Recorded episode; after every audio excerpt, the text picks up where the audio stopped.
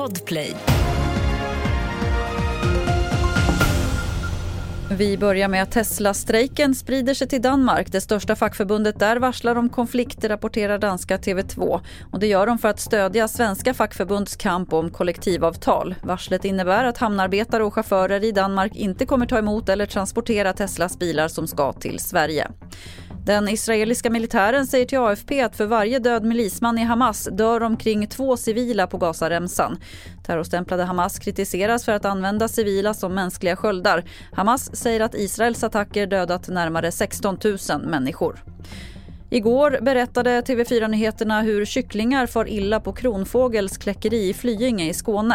Bland annat hur skadade kycklingar pickar och äter på varandra. Nu kommer krav på hårdare och tätare kontroller. Det är 11 år sedan Länsstyrelsen senast besökte kläckeriet. Joa Toropainen är länsveterinär på Länsstyrelsen i Skåne. Det är klart att 11 år är alldeles för lång tid för att kunna säkra eh, liksom, ett gott djurskydd. Det är väl ingen som tycker att eh, så här långa intervaller är, är liksom, eh, någonting man vill ha. Och mer om det här finns på tv4.se. Jag heter Lotta Wall.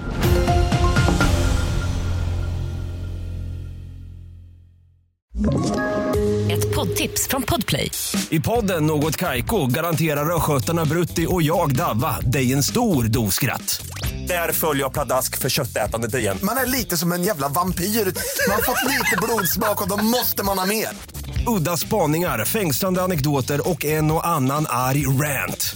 Jag måste ha mitt kaffe på morgonen för annars är jag ingen trevlig människa. Då är du ingen trevlig människa, punkt. Något Kaiko, hör du på Podplay. Därför är gardinerna.